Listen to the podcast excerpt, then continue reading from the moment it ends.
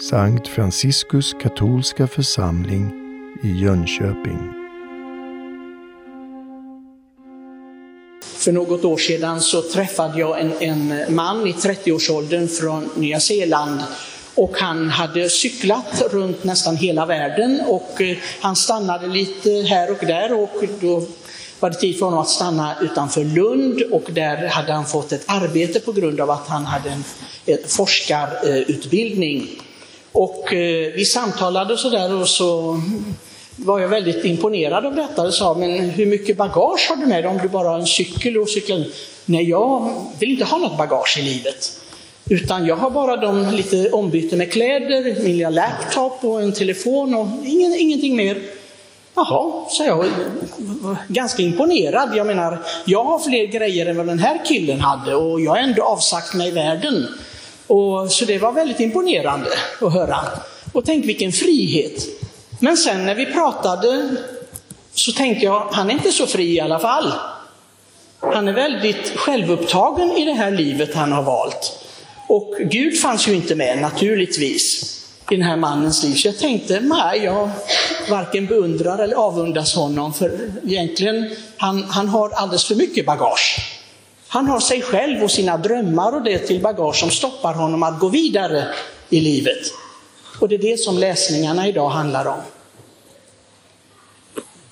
Den första läsningen handlar ju om visheten. Visheten som man bara kan få från Gud. En vishet som gör att man vet hur man ska inrätta sitt liv, hur man ska leva sitt liv. Vi träffar många människor och jag vet inte hur ni ser på dem ni träffar eller reagerar på det ni hör eller ser. Men många gånger så tänker jag liksom, om det hade funnits lite mer vishet i den här människans liv så skulle den inte liksom bli så stoppad av många saker i livet. Att småsakerna stoppar människor. Det är små ord som andra säger eller någonting som andra gör eller någonting som inte blir så som man själv har önskat och så. Man blir stoppad hela tiden. Och det är en begränsning och det är ju brist på vishet. För en vis människa den vet att det här livet passerar och jag ska gå igenom det, jag ska försöka gå igenom det så med så fritt hjärta som möjligt, men med Gud. Och då kan jag leva det i någorlunda frid. Nu talar vi inte om en psykologisk lugn och, och så, för att det, det, är en helt annan sak. Man kan vara en väldigt orolig människa men ändå ha liksom ett andligt lugn. Det är två olika saker. Så om man är en nervös människa till exempel, det, det hindrar inte att, att man är en andligt lugn människa. Det, det är alltså två saker, olika saker. Och Paulus i Hebreerbrevet, han fyller på här och säger att det är Guds ord som, som är så skarpt att det skär igenom allting och det kan forma. Ett, ni vet en, en, en yxa eller ett svärd kan forma någonting. Och det är det som är meningen. Att Guds ord här ska hjälpa oss att nå fram till den här visheten så att vi skalar av allt det som inte är vist, ett vist liv i våra liv. Och så avslutar den här i den här meningen med att det är inför honom som vi ska avlägga räkenskap. Och det är en vishet, bara det, att vara medveten om att jag ska vara försiktig med mina val i livet, för jag ska avlägga räkenskap för det. Det är inte det att, att det bara passerar förbi och det händer ingenting. Det är många som, som tror det eh, och, och eh, eftersom man lever, många människor lever lite hur som helst. Och de tar inte i beräkning att det är, livet är en gåva från Gud och vi ska avlägga räkenskap för, för det livet. I evangeliet idag som kyrkan har parat ihop med de här läsningarna, med visheten och att vi ska avlägga räkenskap för Gud, så handlar det om den här unge mannen då som kommer till Jesus. En rik ung man. Och trots att då han har levt budorden, observerat dem, så ställer han sig ändå frågan, för han, han förstår inom sig att det är någonting där som inte stämmer. Det är någonting som inte stämmer i honom, trots att han har uppfyllt budorden. Och han frågar Jesus då, som han förstår är mästaren, vad ska jag göra för att vinna evigt liv? Och det är ju en vis mans fråga. En vis människa frågar sig, ställer sig denna fråga, vad ska jag göra för att uppnå det eviga livet? Det räcker ju inte bara med att jag lever några år här.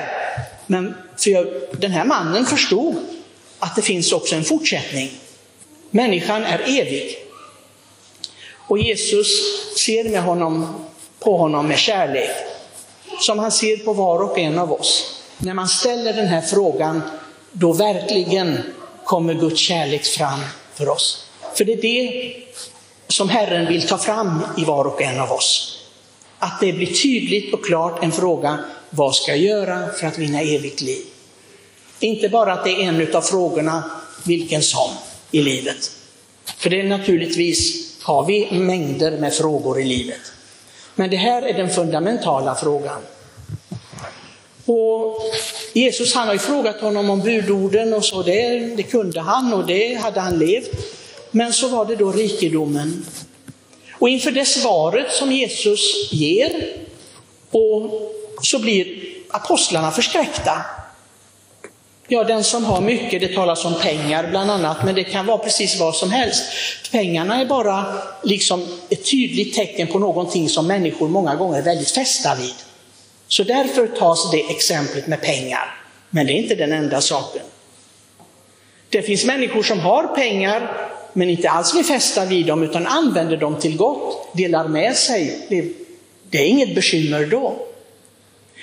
Bekymret blir, och hindret för att uppnå evigt liv, när det är någonting som vi fäster oss så vid att det blir ett, liksom, ett gap mellan oss och himmelen. Där detta blir våra intressen till exempel, eller det som jag själv vill i livet, att det blir ett hinder för mig att leva i gemenskap med Gud. Och det kan vara väldigt olika för var och en. Många av er kanske sitter här och tänker, ja men jag är inte rik så det är ju inget problem, det här evangeliet är inte för mig. Oh, jag har knappt så jag klarar mig att betala hyran och maten och vad det är, så det kan ju inte gälla mig. Pytsan som biskopen säger. Det gäller oss alla.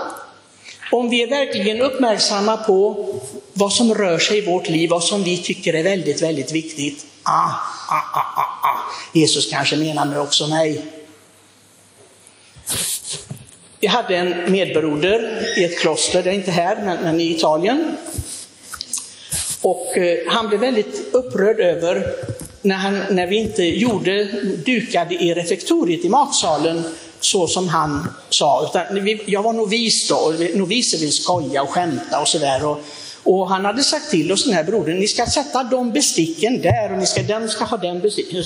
Och vi ska, vad spelar det för roll? Bara du får någonting att äta med. Och han blev så upprörd den här brodern. Så eh, novismästaren var tvungen att säga till du lugna ner dig för det är inte bra vittnesbörd här för noviserna. Att, att vara så fäst vid detta, hur, hur, exakt hur det ska vara, det, det, det är inte bra. Så novismästaren fick hjälpa den här brodern också, som var mycket, mycket äldre, att rätta till det här. Att du ska inte upp, bli upprörd för sådana här saker, det är, inte, det, det är ingenting som är enligt evangeliet. Och jag tänker, vår novismästare skulle behöva gå runt överallt i samhället och säga det. För det är många människor som är så fästa vid sitt sätt att leva, sitt sätt att vara. Bara ingen rör mig, ingen rör mitt, mitt revir. Och det är precis det som Jesus talar om. Så jag tycker det här är ju en, en sak att tänka på. Vad är det som jag har fäst mig alldeles för mycket vid? Det behöver inte vara något fysiskt, något materiellt. Det kan vara andra saker som gör att det hindrar mig att uppnå frälsningen. Det har blivit mitt himmelrike. Det är lättare för en kamel att komma igenom nålsögat. Ja, egentligen står det inte kamel, det är ett rep egentligen som det står. Men det har blivit så i översättningarna. Men ni förstår, ni som syr, nu syr inte jag, men en liten, liten liksom synål och stoppa in ett, ett rep i det, det, det, det är ju helt omöjligt. Och Jesus säger samma sak är det för en människa som är rik på sig själv, på, på sitt liv som har uppfyllt det, men inte med Gud, att komma in i himmelriket. Och apostlarna, lärjungarna, är så förskräckta De säger, ja men då är det ju ingen mening med. Vem av oss kan bli, komma in i himlen då? Och de har ju ingen rikedom, så det, det handlar ju inte om materiell rikedom som är svårigheten för dem, men de förstår vad Jesus menar. De förstår. Och Jesus säger, ja för människan är det omöjligt, men inte för Gud. Gud kan förvandla oss. Gud kan och vill förvandla oss. Om vi bara gör som helgonen, som helt överlämnar sig åt Gud, då kan också denna förvandling äga rum åt oss. Och då blir vi, jag höll på att säga, då är det som en diet, som man blir smal och smal och smal så kommer man igenom. För det är det som behövs. Inget ont om oss som är tjocka nu och feta, det spelar ingen roll. Det, det, det har ingenting med att komma in i himmelriket att göra. För det finns många smala människor som kommer att ha väldigt svårt att komma in i himlen. Det kan jag garantera för er. Därför att de är så självupptagna och med sin kropp och allt vad det nu kan vara. Och då blir det ingenting. Det är där vi ska fokusera. Hur ska jag komma in genom den smala porten? Är min själ sådant anpassad till Guds rike att det passar in bland de heliga? Och det är dagens fråga. Petrus säger, det är alltid påven, den första påven som tar till orda, han säger, vi har lämnat allt. Vad ska vi få igen? Ska vi få igen det? Och Herren säger, den belöningen går inte ens att räkna för den som lämnar allt bakom sig. Det handlar inte bara om ett liv i kloster, det kan låta nästan så, men det handlar inte om det. Det handlar om ett kristet liv i Kristi efterföljelse. Men som sagt, det är chans för oss alla. Ingen kan säga att det är för sent eller jag är för formad, jag, jag kan inte ändra mig själv. Det är inte evangeliskt att säga, jag kan visst ändra mig själv. Det är bara att jag överlämnar mig till Herren som de heliga. Amen.